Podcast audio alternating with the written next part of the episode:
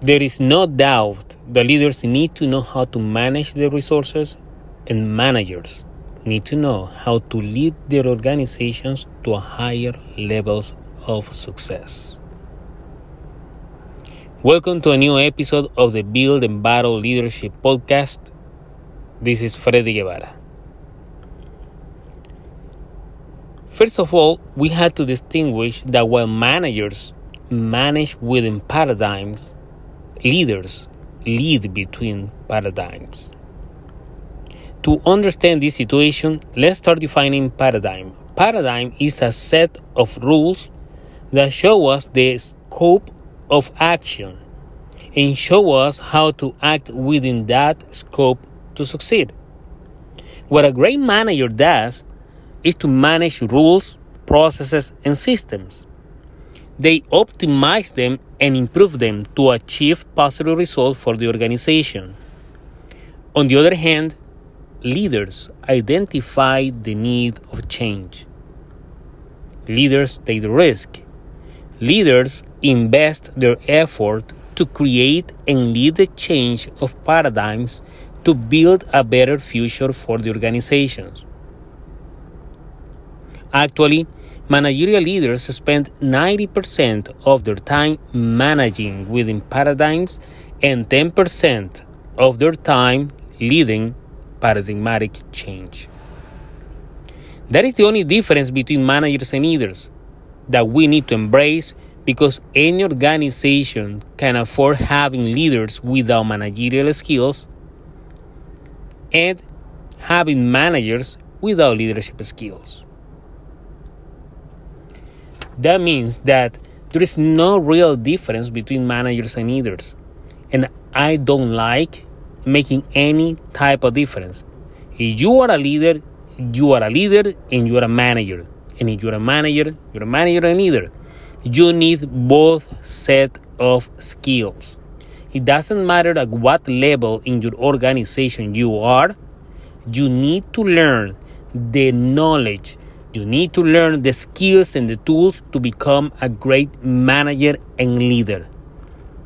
You cannot be a manager without leadership skills. You cannot be a leader without management skills. That's why it's very important that organizations invest in the education of their leaders and managers because they need both set of skills to build successful teams and to build successful organizations. This is the reality because the quality of leadership and management of any organization can become in a competitive advantage. And when you see a great organization, you see a great teams working in any organization is because they have great leaders and great managers. So now, commit yourself in learning, improving, and innovating your management and leadership practices to create more value to your organization and its stakeholders. I hope this episode can help you to open your mind and to embrace the perspective that managers has to be leaders, leaders has to be managers. There is no difference at all. Only the only difference is the type of paradigm they manage. Managers manage within paradigms, leaders lead between paradigms. That's the only difference. The scope of action of managers and leaders are different, but you have to learn both set of skills to be successful in any business. Tell me about your experience managing within paradigms or leading a paradigmatic change.